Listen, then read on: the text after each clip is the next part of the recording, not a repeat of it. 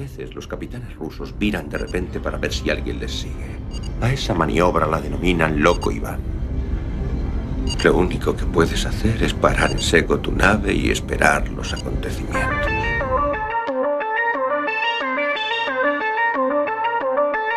Yamasphere 347 of Space Patrol calling unidentified ship. The night Moi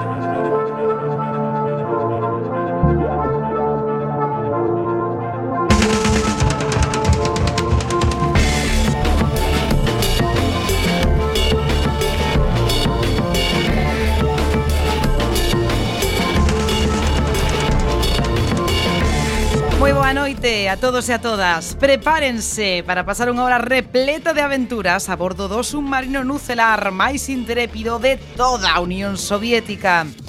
Oxe, eh, co gallo da odiosa e capitalista festa de San Valentín celebrada esta semana falaremos de amores, pero dos amores que sempre nos unen a todos e a todas, os amores que fracasan. Porque, queridos e queridas camaradas, que nos une máis que a derrota a non ser o glorioso camarada Lenin? Por iso, analizaremos os grandes amores fracasados da historia da ciencia ficción, dos libros e da música. Teremos tamén a entrevista con Aileen Kendelman, actriz da compañía de teatro A Panadería que ten en cartel unha obra que fala dun amor que este sí que triunfou, o de Marcela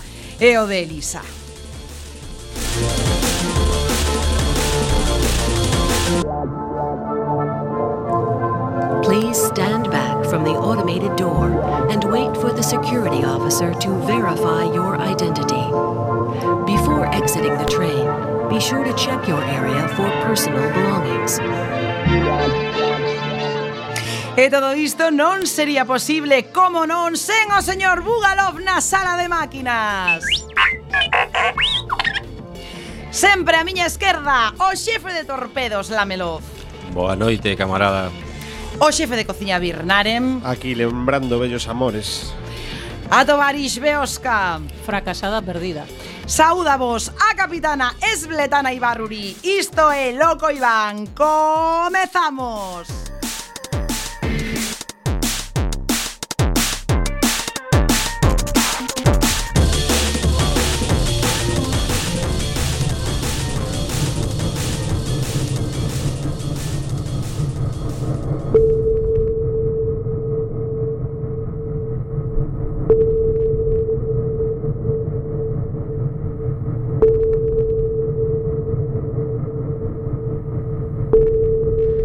Sempre facemos a esta hora da noite nada máis acender os motores do submarino e comenzar a surcar as escuras augas do río Monelos. Temos que facer un repaso polas noticias máis intrépidas e máis destacadas da semana. Esas noticias xa saben que non teñen cabida nos medios occidentais, nos medios capitalistas e nos medios que costan máis de 1,05 euros. Arriba Periscopio!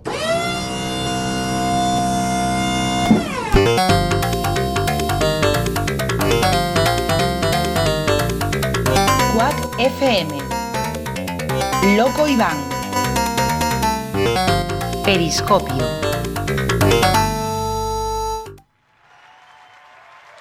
Rock concert movement number 63, bringing out Venus Hum. A peor nave espacial. Deep Six é un videoxogo que te pon os mandos da peor nave espacial que poidas atopar. Ao contrario que na maioría de xogos de naves, nesta ocasión terás un montón de chatarra que terás que ir reparando con cinta illante, trozos de metal ou chicles mentras te aventuras no espacio. O máis curioso é que terás que improvisar as reparacións, non hai un botón de reparar e que tarde un tempo en facelo. Non, con, avería, con cada avería terás que ver o que tes na propia nave para poder reparala. Ten pinta de ser un xogo que mestura entre Faster Than Light e Halo Peak, outro videoxogo no que terás que viaxar nun coche en estado ruinoso. Son os chamados videoxogos de aventuras en vehículos de merda, é dicir, nada que ver con noso glorioso submarino, obviamente. Un caso de desconfianza. Lévate aos anos 20 en San Francisco.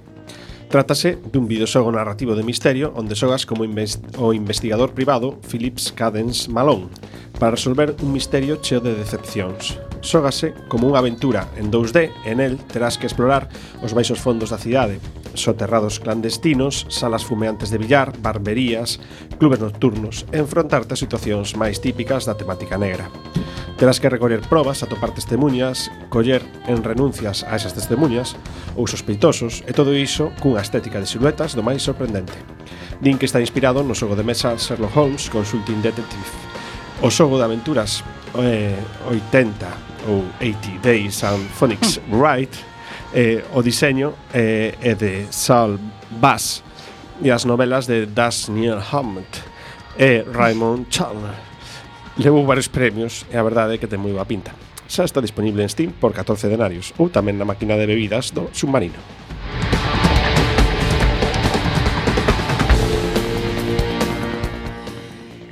Piqueras tendrá unha serie de televisión. Por eh. fin! Igual a alguén lembra a película do ano 88 de O Boneco Diabólico, a homenaxe que fixo Don Mancini a Pedro Piqueras, o popular presentador e protagonista de memes. Xa sabedes, un boneco chamado Chucky con ansias asasinas, o normal, que deu lugar a varias secuelas, cada unha peor que a anterior. Pois o propio Mancini está traballando con David Krishner para facer unha serie de televisión eh, escura e máis preto da primeira versión de Chucky, tomando como punto de partida a última película película que non temos nin idea de cal foi. A noiva de Chucky. Chucky ou Chucky? Ah, mm, Chucky. Chucky, vale, Pedro. Chucky. Chucky é máis de bonecos asasiños. asasiños A mí se non está en ruso non me entero. Aínda temos algo de criterio. O caso é que a, bueno, a capitana mm, máis. O caso Chucky Piqueras, Chucky Piqueras, que era vasco. O caso é que a serie pode recuperar esta saga infumenta e senón sempre podemos ver as novas de Antena 3 que iso sí que é terror cutre e casposo. Usagi Yojimbo non será menos que Piqueras. O coñecido cómic de Stan Sakai que narra as aventuras de Usagi Yojimbo, un Ronin con forma de coello que vive nun universo de fantasía inspirado no Xapón do século XVII, momento que vou potar, será levado a pequena pantalla pola produtora francesa Gaumont, o coello de un experto no manexo da espada e que está basado no famoso Ronin Miyamoto Musashi, ou seja, famoso no Xapón, claro. Din que o cómic é unha mestura entre o cine de Kurosawa, xa sabedes, o ídolo da princesa Leonor, e tamén o libro O Lobro Solitario e o seu cachorro. A serie será de animación e será coproducida por Gaumont e o propio Stan Sakai, e tamén James Wong, quen produciu tamén Annabelle. Ainda non hai data, pero aínda que sexe un cómic xaponés, tendo en conta que a produtora é francesa, igual fan algo medianamente diserible. Coello Samurai, xaponés tinha que ser. Titan Outpost, o videoxogo de rol sen combates. Non é frecuente un videoxogo de rol isométrico que non teña ningún tipo de combate. En este caso está ambientado no ano 2077 en Titán, a lúa de Saturno, durante unha crise enerxética. Ali haberá que montar un posto avanzado de minería e resolver situacións mediante decisións dialogadas. O sistema de diálogos e elementos logísticos están inspirados no Geoscape, original de XCOM e o Doom de Cryo. O xogo ten varias características máis que interesantes, como unha estética setenteira, unha historia con moitos elementos de Guerra Fría e múltiples camiños para resolver as situacións. Ademais, hai que investigar, explorar e montar o posto mineiro. Ten unha pinta ben interesante.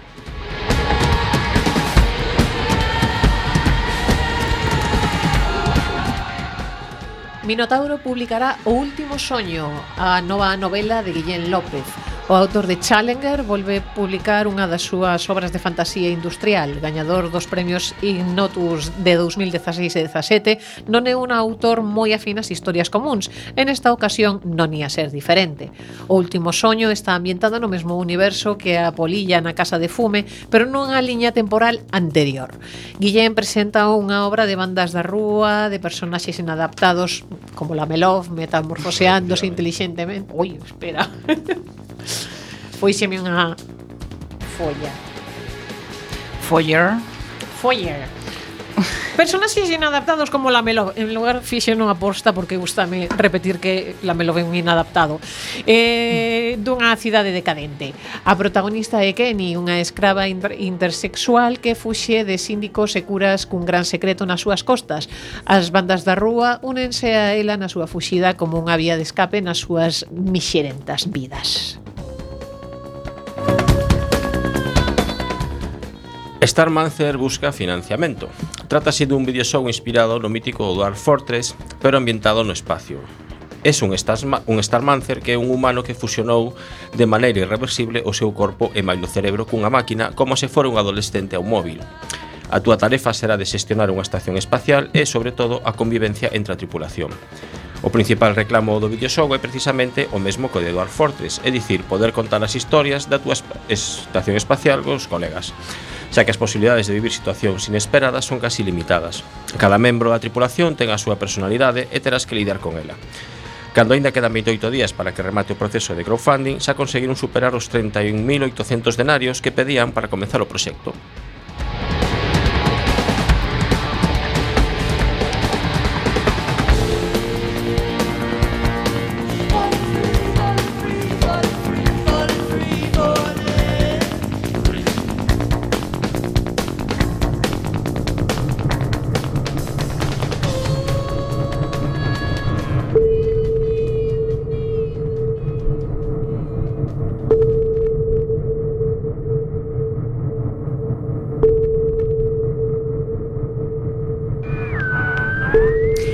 noticias eh, tan interesantes que acabamos de escoitar. Escoitar, poder escoitar a, a Birnaren con ese don de linguas que só teñen algunhas persoas no mundo, todo un políglota é importante, pero temos que escoitar tamén música, non só a, a adormecedora voz de Birnaren, senón eh, a música Nas ondas hercianas tamén, non, porque non, non las quitou Feijó, pero bueno, a música que nos trae o señor Bugalov. Vale, pero hoxe traio música e ademais historia de amores que acaban mal. Todo mm, xunto. Casualidade. Amores fracasados. Ah, casualidade, un ovo de pato, vamos a ver, o sea, que deu, cha, deu cholliño. Isto, bueno, a ver. Estades escoitar Uh, unha canción dun álbum lexendario sobre todo uh, no inimigo capitalista nos Estados Unidos de América Chámase Rumores, Rumors é de un grupo que se chama uh, Fleetwood Mac Este grupo estaba composto nesta época por eh, cinco persoas. Eh? Ajá. Eh, Mick Fleetwood, que era o batería, o maior de todos, un señor así con barba en plan Gandalf, vale? Eh, e logo eh, dúas parellas mm. John e Christine McVie e eh, un señor que se chama Lindsay Buckingham e Stevie Nicks, que logo tivo varios éxitos así máis popeiros. Eh, que pasa? Que cando gravaron este disco estaban ambas ambas as dúas parellas en proceso de separación. Mm-hmm. Co cal, eh, digamos que ambiente un pouco tenso e se comunicaban entre eles escribíndose cancións de odio. Mm, tamén, sobre todo. Está soando unha que compuxeron así medio entre os catro a base de retales que se chama The Chain, a, a cadea, non? que é bastante a letra bastante tensita, que es no que explica por que seguen xuntos, máis ou menos, pero a que vou poñer para que escoite a, a, xen, a xente que nos está a escoitar é outra, mm, digamos, un pouco uh, máis explícita, que Ajá. se chama Go Your Own Way. Eh, go Your Own Way, que es algo así como que chedean, pero ven, pero en, inglés americano, ¿no? Eh, a ver se, se pues mola. Bueno, hai que dicir que mm, tivo un éxito bastante como bastante tremendo este disco. 31 semanas número 1 en Estados Unidos doble disco de diamante Eran, en Estados eh, Unidos. estaba tiña xa premios mentre este rollo, este rollo foi moi mal pero pero non, bueno, de feito logo seguiron de xira volveron a, a última xira que fixeron xuntos aínda que xa separados foi en 2015 penso, vamos, o sea, non están en activo todo o rato pero de cando en vez aínda se xuntan e volven porque este álbum é do ano 1977. Pero iso, imos coa canción en cuestión.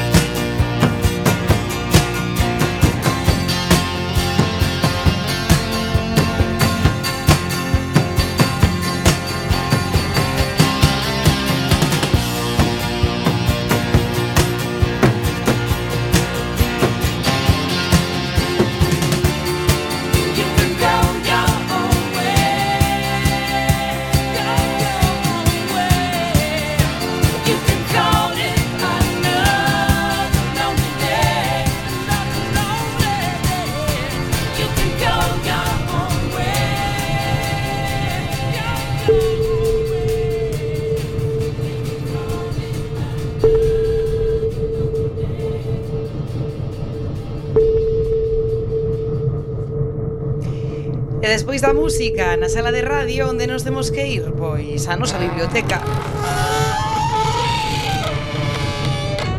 Xa non, non o digo máis porque sería repetirme e as capitanas nunca nos temos que repetir, normalmente porque xa a primeira nos fan caso. Eh, pero a porta sigue estando bastante mm, miserável. Que non será caxoto. pode ser, pode ser o noso amigo Caxeto Cativo eh, unha aperta dende aquí, a ver se volve pronto o submarino a contarnos algunha historia. Pero vamos coa biblioteca, porque hoxe que falamos de amores fracasados, que son eses grandes amores, os fracasados, vamos a escoller un libro azar. Ra, que libro azar vamos a, vamos a abrir hoxe? Sin noticias de Google. Non no abre eh, o libro. Sin noticias de Gur non estades atentos. De Eduardo Mendoza. Efectivamente, sen noticias de Gur é unha novela escrita, dirixida e eh, protagonizada, non, é eh, escrita só por Eduardo Mendoza no ano 91 seguro que xa coñecedes unha nave alienígena con dous tripulantes a terra preto eh, da Barcelona que se preparaba para os Xogos Olímpicos do 92 unha aperta rebollo eh, GURPS a, eh, a establecer contacto con novas formas de vida da terra Pero as horas pasan e non dá voltado. O protagonista do libro non é Gurb, é o seu compañeiro, o compañeiro do Gurb, do que non sabemos o nome que sae a procura do seu amigo metamorfoseándose inteligentemente, eso sí, para non chamar a atención en personaxes como o Conde Duque de Olivares ou Paquirrín, que xa ten en sí mismo unha, mm, bueno, pues podería ser un disfraz bastante malo para ser extra, extraterrestre. Eh, a busca de Gurb queda registrada, bueno, pois pues nun hilarante diario onde o extraterrestre describe, trata de comprender as persoas e a cidade, eh, se convirte nun personaxe máis do libro, esa, esa cidade dos prodixios eh, que é Barcelona para, para Eduardo Mendoza, e nunha destas, pois, namora dunha veciña. Se o amor xa é complicado para os humanos, máis para os soviéticos, imaginade para este pobre home.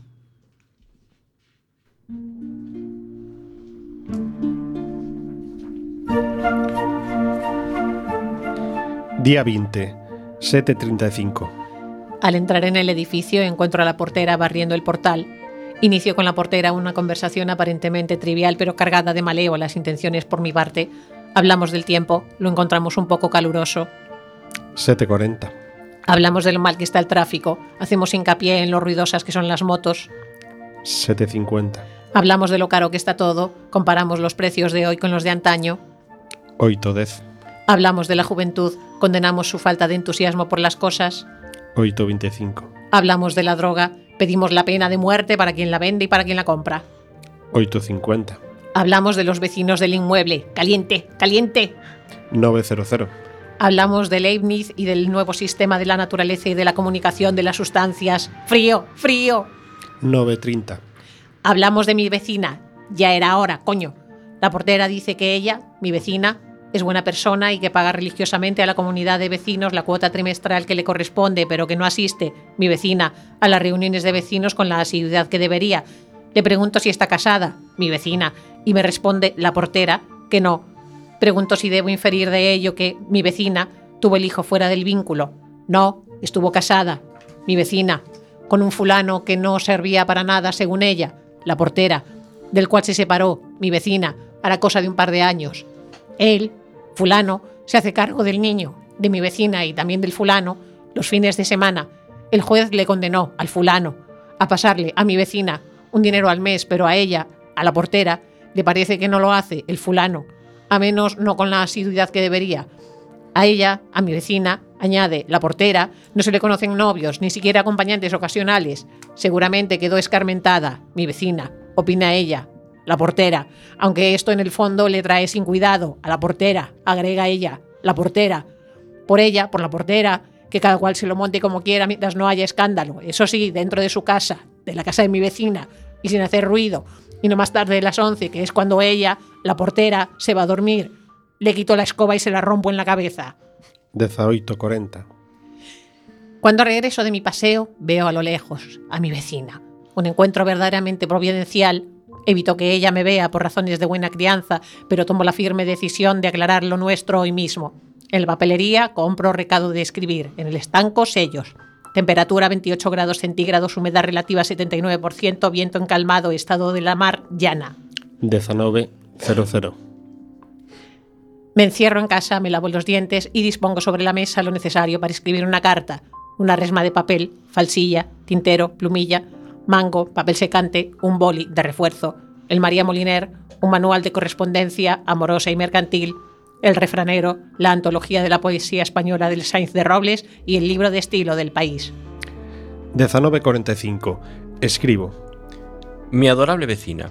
Soy joven y de aspecto agraciado, romántico y cariñoso. Tengo una buena posición económica y soy muy serio para las cosas serias, pero me gusta divertirme. Me encanta, además de los churros, viajar en metro, lustrarme los zapatos, mirar escaparate, escupir lejos y las chicas. Aborrezco la verdura en todas sus manifestaciones, lavarme los dientes, escribir postales y oír la radio. Creo que podría ser un buen marido, llegado el caso, y un buen padre. Tengo mucha paciencia con los niños. ¿Te gustaría conocerme mejor? Te espero a las nueve y media. Habrá comida gratuita y bebidas. Hablaremos de lo que te he dicho y de otros asuntos. RSVP. Estoy por tus huesos. 19.55. Releo lo escrito. Rompo la carta. 20.55. Querida vecina, ya que vivimos en el mismo edificio, he pensado que sería bueno que nos conociéramos mejor. Venga a las nueve y media. Preparad- prepararé algo de comer y, comeremos y comentaremos algunas cuestiones relacionadas con el inmueble y otras no. Un cordial saludo, tu vecino. 21.05.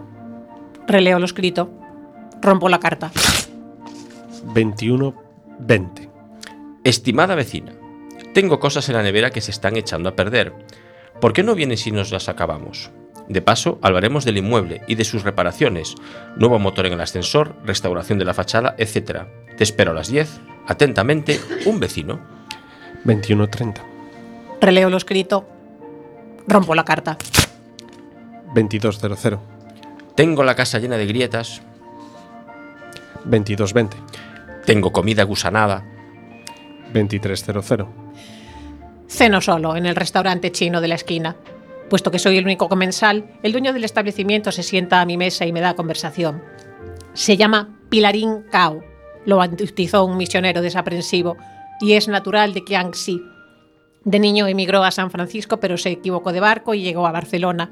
Como no ha aprendido el alfabeto latino, todavía no se ha percatado de su error, ni yo hago nada por sacarle de él. Se ha casado y tiene cuatro hijos. Pilarín, el primogénito, Chang, Wong y Sergi.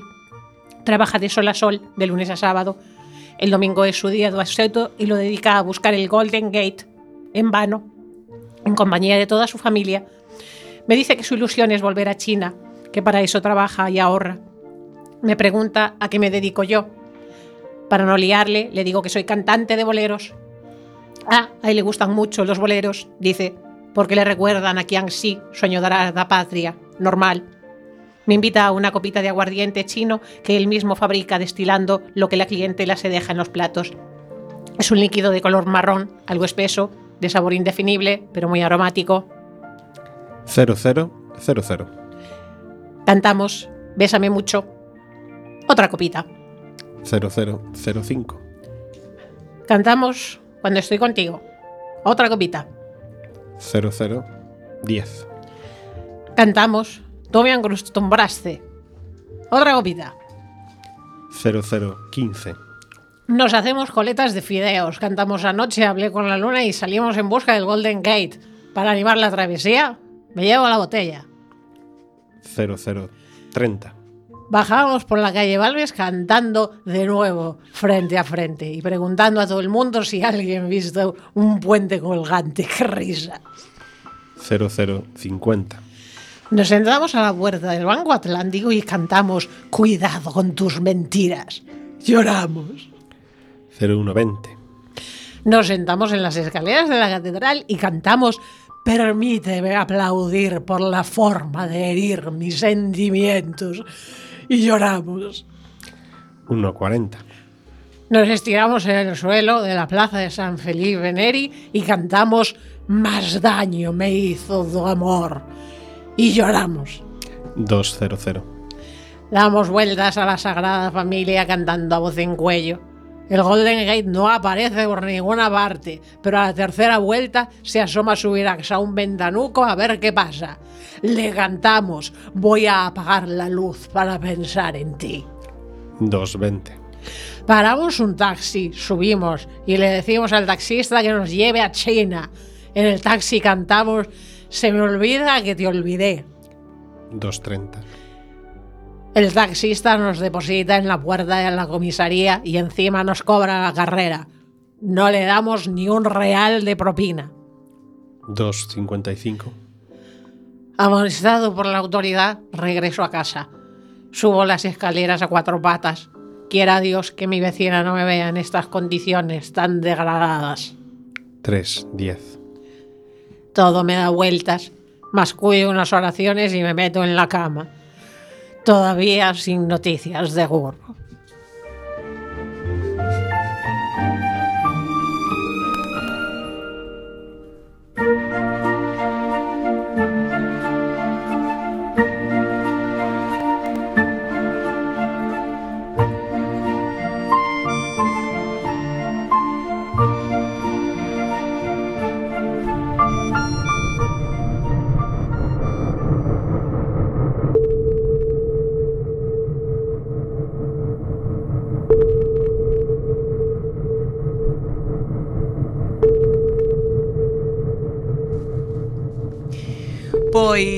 bueno, sen que sirva de precedente, un aplauso para a Tovaris Beosca por esta gran interpretación de Sin Noticias de Gun. Un aplauso. Bravo, bravo. Gracias, bravo. gracias. Un aplauso.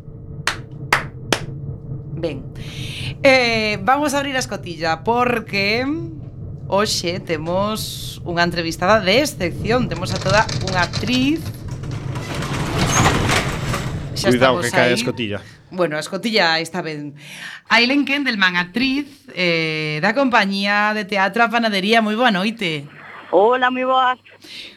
Ailén, por que te chamamos hoxe aquí? Te invitamos a vir o submarino soviético e ti viñeches encantada porque és unha persoa estupenda. Pois porque hoxe eh, falamos eh, de amores que fracasan no noso, no noso submarino, pero queríamos contar a historia dun amor que non fracasou, senón o contrario, que loitou moito e, bueno, non sabemos se lle foi moi ben ou moi mal, porque o final da historia nunca soubo ninguén, pero eh, a coñecemos moito a historia de Marcela e Elisa porque Tía Ilén, xunto con Areta Volado e con Noelia Castro estades protagonizando nos teatros de toda, de toda Galicia con esa obra Elisa e Marcela da compañía de teatro a panadería. Así que contanos un pouquiño como se vos ocorre recoller esta, esta historia de Marcela e Elisa que foron as primeiras mulleres en formalizar o seu matrimonio no Estado, bueno, aínda que de forma mm, un poquito mm, un poquiño ilegal, xa que unha delas fixose pasar por un home. Eh, pero como se vos ocorre recuperar esta, esta historia que hoxe en día segue sendo, joder, pois pois segue estando de actualidade. Sí, eh, e segue sendo imposible, porque o que elas fixeron, elas casaron pola igrexa. Exactamente, segue sendo pois cosa imposible. Que, claro, legalmente non é posible de momento. Pois un pouco a idea foi, bueno, eh, nos coñecíamos a historia, non las tres, e tamén xuto con Gena Bamonde, que é a directora do espectáculo, ela unha, un día nunha conversa así informal dixo que sempre quixera sempre que, que lle chamaba atención que, que no día de hoxe aínda non se contara en teatro ou bueno ou en pelea ou en cine que non se contara a historia de Elisa Marcela que ela sempre quixera facela, e nos mirámonos todos e dixemos, pois, pensamos que é perfecto para a panadería facer, contar a historia, non? De esta historia de amor. Ademais, eh, eu teño que dicir que mm, daqui do submarino quen veu a, eu a quen, quen viu a obra? Pois... Bueno, pois eu a vin, por, por eso son capitana. eh, a min encantoume, pareceme unha obra repleta de, de humor, pero que tamén ten, bueno, como non podía ser de outra forma, verdade, tamén contando esta historia, unha gran unha increíble perspectiva de xénero e tamén eu creo que incluso de, de memoria de memoria histórica, o sea, eu creo que vos fixechedes un, unha obra de teatro que conta moito máis da, da historia de Elisa e Marcela, non? Claro, para nós é un, tamén unha oportunidade de reivindicar, non? Que este amor sexa visible, sexa posible, que todo o mundo poida amarse libremente, incluso no submarino, non? No submarino nos amamos bastante pouco, a verdad, pero Pois pues hai que ten que haber amor, amor libre para, para todo o mundo. Como é tan entón... libre, no, no, no, non usamos, é cousa do bromuro, pero Nada, sí, entón sí que Elisa Marcela, claro, fala de actualidade, porque a día de hoxe todos coñecemos o autobús, non? Sí. Coas súas mensaxes, eh, isto está pasando agora, no 2017 ou 18, Entón sí que a historia de Elisa Marcela que aconteceu no 1901 está totalmente de actualidade no 2018, non? No que incluso nas escolas, pois toda a xente do colectivo LGTB sufre moitos moito bullying, hmm, é certo. Eh, hai moitas cifras, hai, bueno, hai estatísticas que din todo o acoso que, que, sobre, que sofre este colectivo. Vos pasou, quero dicir, hubo algo en todas as representacións que levades ata ahora de, da, da historia de Marcela e Elisa, pois non sei, alguén que, que viu a luz de repente coa vosa, coa vosa interpretación ou non sei, ou, ou, ou algunha anécdota de alguén que vos que vos eh, comentara algo, ou non coñecía esta historia ou que lle, ou que lle mm, Pois pasou, pasou un dato curioso, fixemos eh, Elisa Marcela en Dumbría, que, bueno, que é parte importante da historia, porque elas, sí. elas estaban ali, en Dumbría, vivían ali, eran mestras, Eh, fixemos aí Elisa Marcela, é unha rapaza de 8, de 8 anos, eh, dixo sair, pois ao final non cambiamos tanto, no. porque imos pola rúa e se hai dúas mulleres que están dadas da man, a seguimos mirando. É certo, e seguramente, mm, pois non sei, pero sí. Que a historia de, a de... Reflexión de oito de unha rapaza iso, de oito anos. É unha reflexión que non facemos pero que é totalmente certa, porque vamos, hoxe podería pasar. É simple, digamos, pode ser unha parece simple, pero esconde, mm, claro, esconde a realidade do, do día a día, non? Ailén, eh, mm, te quería preguntar tamén no teatro, no cine, na, na televisión, mm, crees que realmente se está presentando xa dunha forma eh, normalizada, porque non pode ser mm, doutra as diversidades, tanto sexuais como funcionais. Mm, ao final, eh, parece que de todas formas eh, as persoaxes eh, LGTB siguen sendo pois un estereotipo marcado de algunha forma nas pois nos medios de, de hoxe en día, non? Unha, unha produción eh, televisiva. Sí, empezando porque, bueno, as porcentaxes sempre son poucas, non? Uh -huh. Empezamos por aí, pero cando están tamén hai que ver dende que lugar están eh, e non están todas as minorías representadas, é difícil ver unha muller negra, por exemplo, en cine ou en tele, ou unha persoa con diversidade funcional, entón sí que hai que abrir un pouco, non? hai que abrir e mostrar mostrar todo todo todo o que hai na sociedade, porque senón non temos esas referentes, que son persoas que existen e que teñen que ter voz, temos que ter voz. Elín, tamén te quería preguntar eh, sodes eh, tres mulleres na, na escea, todo, toda a obra, mm. eh, non hai case decorado E, sen embargo, bueno, non o notas realmente, non? O sea, estás eh, mm, fixando a atención e eh, rindo sen parar. Mm, como se vos ocorre esa, esa montaxe, non? Que, que ao final tamén é austera, é austera como lle gusta a, a Núñez Feijó. pois iso é un pouco a liña do, de traballo da nosa compañía, que por austeridade ou por, sí, quizáis nos comezos, foi unha cousa de non temos, non temos carto, non temos espazo, non temos. Entón dixemos, bueno, pero podemos facer teatro igualmente. E así creamos pois cunha cinta no chan, eh, fixemos unha, unha parodia dos westerns de vaqueiros, non? e vimos que por aí que, que nos atopábamos a nosa, a nosa linguaxe, non? a nosa forma de facer. Entón sí que continuamos con esa liña en, en Panamericana, que foi o noso segundo espectáculo, eh, sempre con esa idea de espazo valeiro, eh, nos construímos todo, pois eh, construímos a escenografía que non está, os espazos, a música non é con instrumentos, senón que é vocal, entón sí que en Elisa Marcela continuamos con esa liña.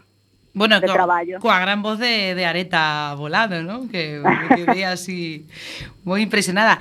Eh, Antes de despedirnos, que proxectos novos teñes, entendes na, na panadería e, e cales van ser as próximas funcións? Pois polo de agora podemos dicir que Elisa e Marcela seguirán amándose por toda Galicia. Eso está ben. Eh, creo que nos toca. Eh, eh, bueno, mañá mesmo estamos en Viveiro, o domingo estamos en Sada, a semana que ven en Monforte, oh, Home, Carballo. Mensada, que é mm, en mensada case casa do, do submarino. E Viveiro tamén porque somos heavies.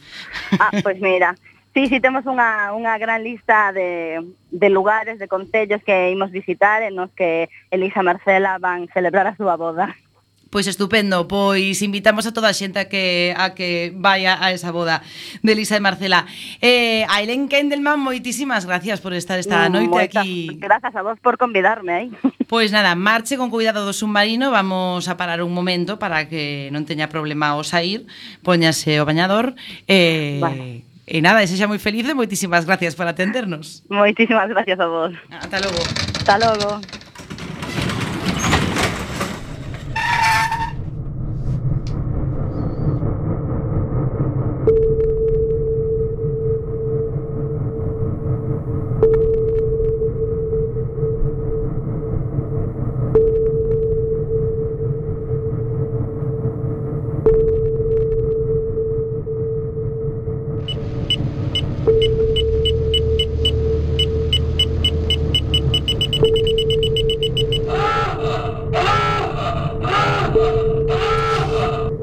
saben, se teñen oportunidade non deixen de ver esta obra teatral de Elisa eh, Marcela eh, que anda todavía por Galicia adiante e que realmente pois é digna de ver.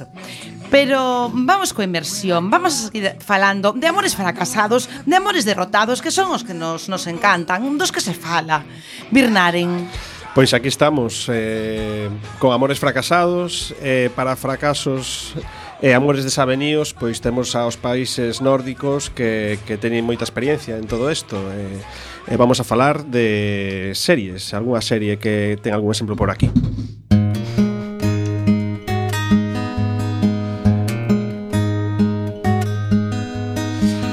Non sei se vos soa esta, este tema principal, pero é bastante característico. E ademais xa o puxeches algunha vez, eu creo, non? Mm, pode ser, pode ser, porque é unha serie que, que, vamos, que está moi ben. Que é a, a música principal da serie Valander, que é unha serie da BBC eh, bueno, baseada nun, nunhas famosas novelas policíacas do escritor sueco Henning Mankell. É sobre o hospital Valander, claro, por suposto. E, eh, eh, bueno, este... Ten coña, eh? Que non, non te sae. Dasi el Hammett, pero ese rollo raro sí que te sae. Hen, ah, Henning Mankel. Pero non o podes dicir como se fora xaponés. Henning Mankel. Henning Mankel. Eso é xaponés, efectivamente, sapo sa, sueco. Eh, seguindo co tema, eh, temos ao inspector Balander que, que bueno, que é un inspector así, pois como moi melancólico, non?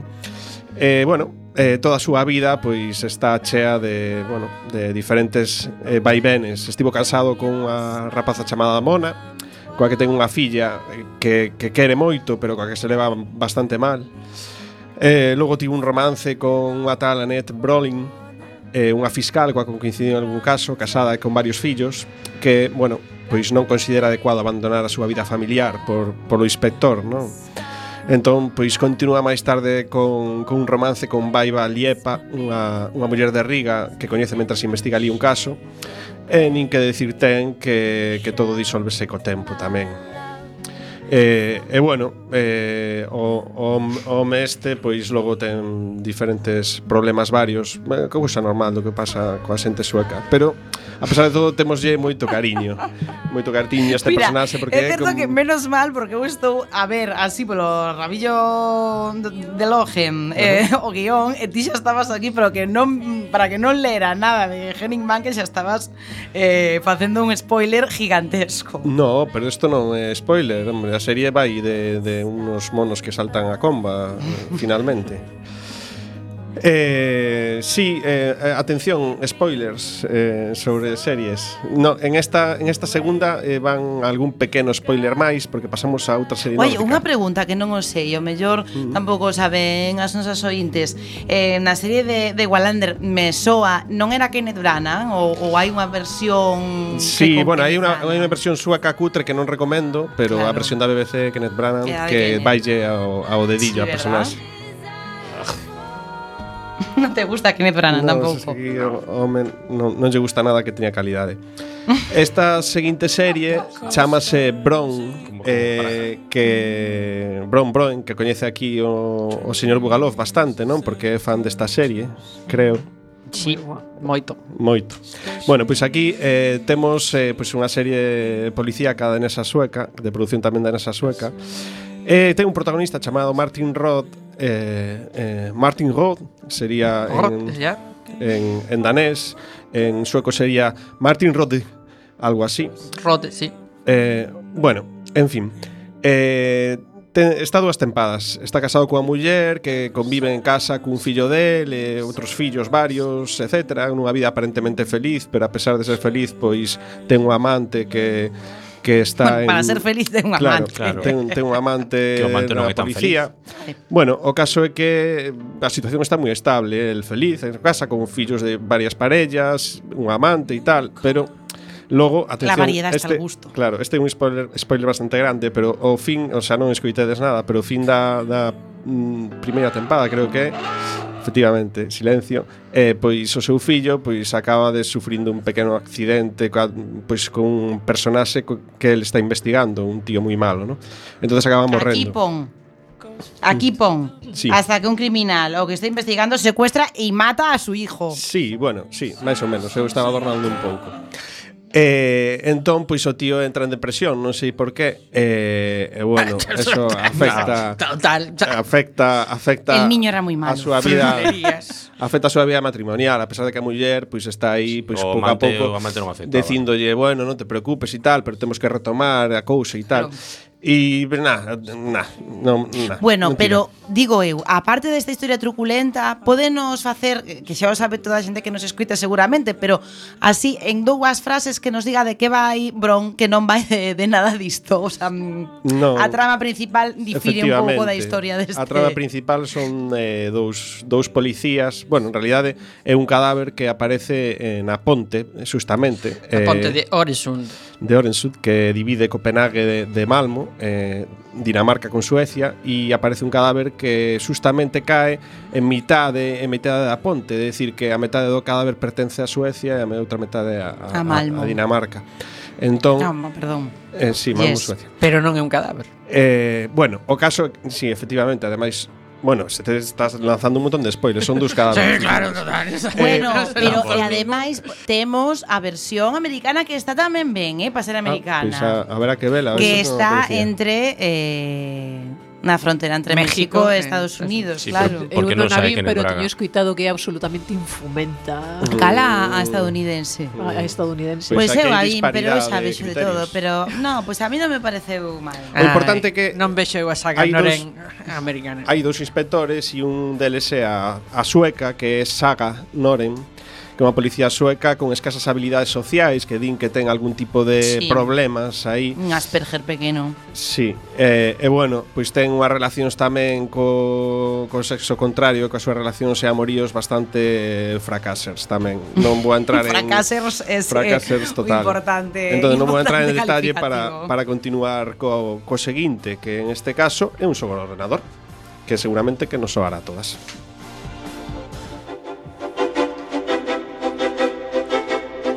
fracaso, fracaso, fracaso, fracaso, fracaso. Vai moi ben, vai moi ben. Fracaso. Es tu caso. Pois Eh, esta é a música que levamos escoitado un montón de tempo eh, É o Sims, de Sims eh, da, da odiada compañía americana Electronic Arts Eh, bueno, eh, xa escoitamos moitas veces falar desta compañía, logo fai un montón de múltiples engadidos polos que cobra cartos, incluso se si queres engadir ao xogo, pois un, unha mesa te cobra 20 euros por unha mesa mm. dun ah. xogo. E dis, ah, guai, mola este xogo, non podo ter unha mesa porque hai que pagar 20 euros. Bueno, o caso é que en, había que construir unha casa, eh, amueblala toda por dentro e logo o máis complicado, que era vivir ali en ela, non? Ai, entón, como todo Claro. Eh. Gústame eh... moito estas reflexións que faz coa música dos Sims por debaixo. Mm. Creo que debes falar sempre con, con esta sí, con este atención, fondo. bracket, reflexión de xefe de cociña Mirarén. Claro. Sí. Bueno, o caso é que, ma, non sei, o mellor hai xente moi habilidosa neste xogo, pero a min sempre as relacións me saían fatal, porque Ai. de repente, o que sei, eh, se me queimaba eh, o fogo e ardía a cociña enteira e se me cabreaba eh, a muller coa que estaba ah. e dicía, pois pues, xa non te quero e tal. Pero, non no bueno, xogo pues, na realidade? Eh, non, na realidade... Na realidade, mentre xogabas inclu incluso, o xogo. Incluso claro. facendo menos cousas, o sea, que a, a veces nada máis que queimando unha sartén ou así. O sea que, pero é todo fracaser, a min é un son home fracaser. Pero para, para fracasers. Sí, sí, é certo. Eh, camaradas, non o sabedes, pero sí. So, so triunfa capitán aquí, ademais. É o sea verdad, é verdad. Pero, to, pero eu fracasei unha vez. Como Xavi. Ah, amiga. No. Pero, pero o, pilla, o pillarías despistado. No, bueno, no porque, ser. porque foi de, de longe. Bueno, e reservo unha última unha última anotación, dou paso a la Menof e se me dá tempo deixamos aí un detalle. Ai, se está saindo. Pero damos paso a la Melot, luego metemos. Venga. Pero... Esto, ¿qué, ¿Qué es esto? No, no, no pasó. Polo amor de Lenin, musiquiña infernal este, esta. Esto está moi ben. Que, es capitana? Un, un golpe baixo meterme aí con ese con esa musiquiña. Esto é o Doutor Slum. Efectivamente, é o Doutor Slum. O Doutor Slum que estaba enamorado da señorita Yamabuki. A señorita Yamabuki, que ademais tiña unha cara determinada e de repente pasaba a señorita Yamabuki que cambiaba completamente a cara e era un aposto galán que, vamos, lle gustaría a calquera muller. A ti gustábate un montón. A mí gustábame moito o Doutor Slum. Mm, eh, pois... eh, eh, Chicho Terremoto tamén Que tamén mm, se ponía así moi aposto Cando pensaban Rosita. Efectivamente, isto é a historia do, Da animación xaponesa Que, que ten unha serie e, eh, Ao final sempre lle saía mal Porque teña esa cara de guapo e de repente tropezaba E se caía un moco E se e, Ay, me, pasa, mal. me pasa continuamente. Mm. Bueno, xa o dicen E damos paso á seguinte historia. A seguinte historia que non la trae la Melov momento que estou acabando de potar. Pero como non te pode gustar o Doutor Slum? Ah, bueno, Doutor Slum, Arale, a que non lle gustas ah. Arale? A min, eh, todo que, que teña esa problema provoca tampo. alerxia camaradas. Pero que tienes un inadaptado social, xa claro, xente. por eso non me gusta mm, nada. Si non como os japoneses, que son moi adaptados todos. Hai que prohibilo. É que aparte de utilizar xapón e eh, amor na mesma palabra, a mí xa me dá cousa, así, chunque ali, total. E aínda por riba que eu hoxe un tema que non domino en absoluto porque xa sabedes que son frío como se o siberiano e o mi de amor non claro, coñezo nada. Claro, porque eu, ti non eres fracasader, ti eres indiferente. Eu son, no, eu son imposible, claro. eu son inanimado. Como o sea, non, porque non hai fracaser, porque para fracasar tens que intentalo. Claro, eh, non, non teño nada disso, estou con meus torpedos aí, eso sí, doulle un claro. lustre que flipas. O sea, bueno. vamos, podo ali ver máis que a miña propia calva. A la me bañe máis os torpedos. Sí, bueno, total. un día contarei unha historia que me ocorreu nun sex shop de Ámsterdam, pero Con torpedos tamén. vamos, Apuntamos, nin as 11 apuntamos. da noite, vale, me van a contar esa historia. Con Bueno, sobre torpedos. aínda así, aínda que non é o meu tema favorito, atopei algunha cousiña por aí. Uh-oh. Got a report of a very serious lighting malfunction in your quarters. Oh. In my quarters, huh? Yep. Guess you won't know unless you head down and see what happens. Sounds like this needs my full attention. Ligoteo, basicamente, no máis F, non sei se coñecedes esta coñecida saga, sí, sí. tamén de Electronic Arts, pero bueno, Electronic Arts distribúe realmente de, é de BioWare que a BioWare precisamente famosa tamén porque fixo eh, romances pois na saga Baldur's Gate tamén. Non sei se coñece de eso o mítico personaxe Minsk. Minsk eh, o seu, a súa parella pois tamén un poquinho fracasada que o eh, Bubu, que o mm. hamster e as súas míticas frases diciría os ollos bubu, eh, que bueno, que igual non sei se era algo metafórico, e non sei a que tipo de ollos se refería, porque na segunda parte dicía que tivo que agochalo en certo sitio do seu corpo. Mm. Entón, bueno, é, é certo fracaso pero o caso que BioWare eh, fixo Mass Effect empezou a meter pois eh, romances, eh, de, pero romances, bueno, pois o Capitán Shepard, que era o primeiro o protagonista, digo, pois digamos que mm, andaba un pouco saído, de, debía ser que xefe de torpedos ou algo así. Bueno, porque oye, que quién no está salido claro, últimamente. Eso, pois o caso é que o tipo ligaba con todo que se movía, fose do xénero que fora, da especie que fora, eh, da raza que fora. Eh, e alienígenas, bueno, salí todo, lle daba igual. Tanto é así que a Fox, esa, ese canal do váter de televisión, pois dixo que era un simulador de sexo e empezou a montar unha polémica absurda porque realmente son escenas así un pouco, bueno, bastante soft todo, pero se veía nunha escena media teta. Entón, a partir diso xa foi, digamos, vilipendiado por a Fox News, bueno. que era como, bueno, pues, unha especie de razón, pero sideral. Media teta. Media teta, pero fixeron bastante ridículo porque claro, a xente cando viu o videoxogo que bueno, Desafío total había tres tetas. Las veías. fu, e, e se vían de tanto. e non era de lado, eh, pois esta se veía de lado, en fin, eh, cousas que pasan. Bueno, este es mi reino. Entra y suelta todo. Echaré un vistazo a tus heridas. Entra y suelta Es un todo. bonito reino. Remánguese, señor. ¡Oh! ¡Remánguese! luz cerca. Que remangue o que? Pois eh, o Mafia, un mítico videoxogo de Illusion Softworks tamén do ano 2002 que agora que o, o videoxogo está señal, un videoxogo de Mafia onde, bueno, este o protagonista que é un taxista que por unha casualidade acaba traballando para un xefe mafioso local na cidade eh, bueno, unha cidade que ambienta como se si fora Chicago dos anos 30 con coches de época tal, o xogo unha especie de GTA pero con historia, unha historia moi cinematográfica e, e con coches de época que aparte teñan un control bastante bastante realista, pero caso que o protagonista bueno, pues ten esta escena así un poquinho, bueno, pues de amor e tal, tipo cine posa e con esas frases así un pouco casposas tamén que daquela pois era dos primeiros videoxogos así un pouco en 3D que tería un, un tipo de escena así de sexo e de romance con, bueno, pois coa axudanta do, do xefe. O cal non é boa idea, e xa non quero facer spoilers porque se te lías coa axudanta do xefe mafioso, pois nos anos 30 digo, igual a cousa non sai tan ben como debera. No, entón recomendar o xogo este que aínda se pode se pode xogar e bueno, e reivindicar que antes que BioWare estes tamén facían romanceiros. Pero fracasaders. Eh, bueno, mellor xogado xogo e probablemente o entendedes. ¿Sí? ¿Puedo ayudar? Quiero pedirte un favor. Te escucho. ¿Te acuerdas de Jaskier? Bueno, llevamos tiempo con ganas de quedar. ¿Quedar? Para recordar el pasado, tomar algo. Sin embargo, No tienes nada de beber. has acertado. Y no quiero servir cualquier cosa. ¿Qué necesitas? Vodka de cereza, vino rosado y algo para ti. se non mm. vodka de o mellor. Eh, se non falo de, de Witcher, non é a miña revolución, xa sabedes. Eh, precisamente Gerald de Rivia que era unha especie de barufaker, eh, pero estéril, digamos que tanto nos libros como nas Barufakis estéril. Sí, bueno, eh, en fin, eu enténdome, sabedes, falo das miñas cousas.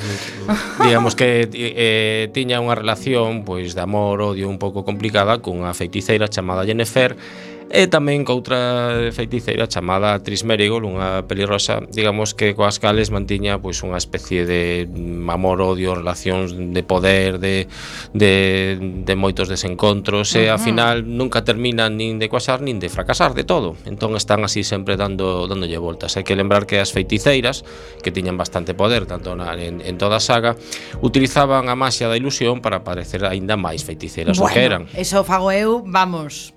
Rrr. Me echo el... Incluso sí, de feito ten un aire con Jennifer aquí a cámara da capitana. Efectivamente. Bueno, un xogo super recomendable e unha saga de libro literaria tamén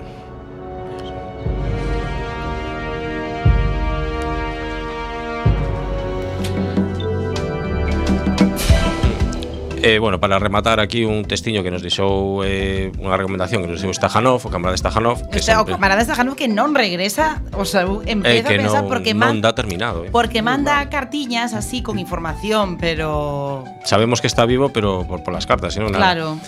Pois unha das mellores historias de amor e desamor do mundo do videoxogo que é a do pirata Guybrush Threepwood e a gobernadora Elaine Marley de Monkey Island, da saga Monkey Island. Famosísima eh, saga. Sí, sí, sabedes que, bueno, os tópicos sempre lles van atrás, pero lá en Gusbro corren máis que, que todos eles. Xa no primeiro xogo clásico do 90, de Secret eh, of Monkey Island, o aprendiz de pirata Guibrus coñece a nova gobernadora da illa e cae enamorado dela primeira vista, só para que o seu novo arquinimigo, o pirata fantasma Lechuk, a rapte coa intención de casar con ela. O topicazo, o topicazo vese retorcido cando Lain se libera de gasoiña. Poña o malo contra as cordas e vexa como intento de rescate do eso serve para chafarlle o plan. Ah, é dicir, que a cousa non son o que parece. Durante os catro xogos da saga, por agora que nos queremos máis, Elan e Gubrius atópanse e deixanse eh, sendo un desastriño ela, e, eh, bueno, el, el un desastriño, ela unha muller con recursos e poderes gobernatoriais sobre tres illas, que sempre se resiste aos intentos do universo por convertela nunha damisela en apuros. Pois é así, porque o amor é, é bonito, home, pero pero pero mm, o fracaser tamén. Por que? Porque o fracaser nos une a todos e a todas. Mira como é de bonito que existe un museo de relacións fracasadas en Zagreb. Así Vamos. Que, se queremos afondar Guau. máis no tema. Pois hai que É ir. certo, a mí me estudian ali nas universidades. Hai que montar unha sucursal en, en Coruña. Que poña rumbo ali o camarada Vigaló. Poñamos rumbo a esa zona. Por qué? Porque o modo fracaser é que antes ti veches aí un, un repunte ligero, mojaste algo. Bueno, eh, pois nada, pois... Eh, que ata que encontren o amor de verdade, o que lles toque a patata, pois que fracasen moito, porque de fracasar sempre un aprende e sempre o pasa ben. Nós os queremos moitísimo, eso sí que non é un amor fracasado o, o, o noso por, por, por vostedes. Nos vemos o próximo programa que seguiremos surcando as escuras augas do fracáser. Moitos bicos, os queremos moito, beban vozca con moderación. De queremos a capitana. Viva!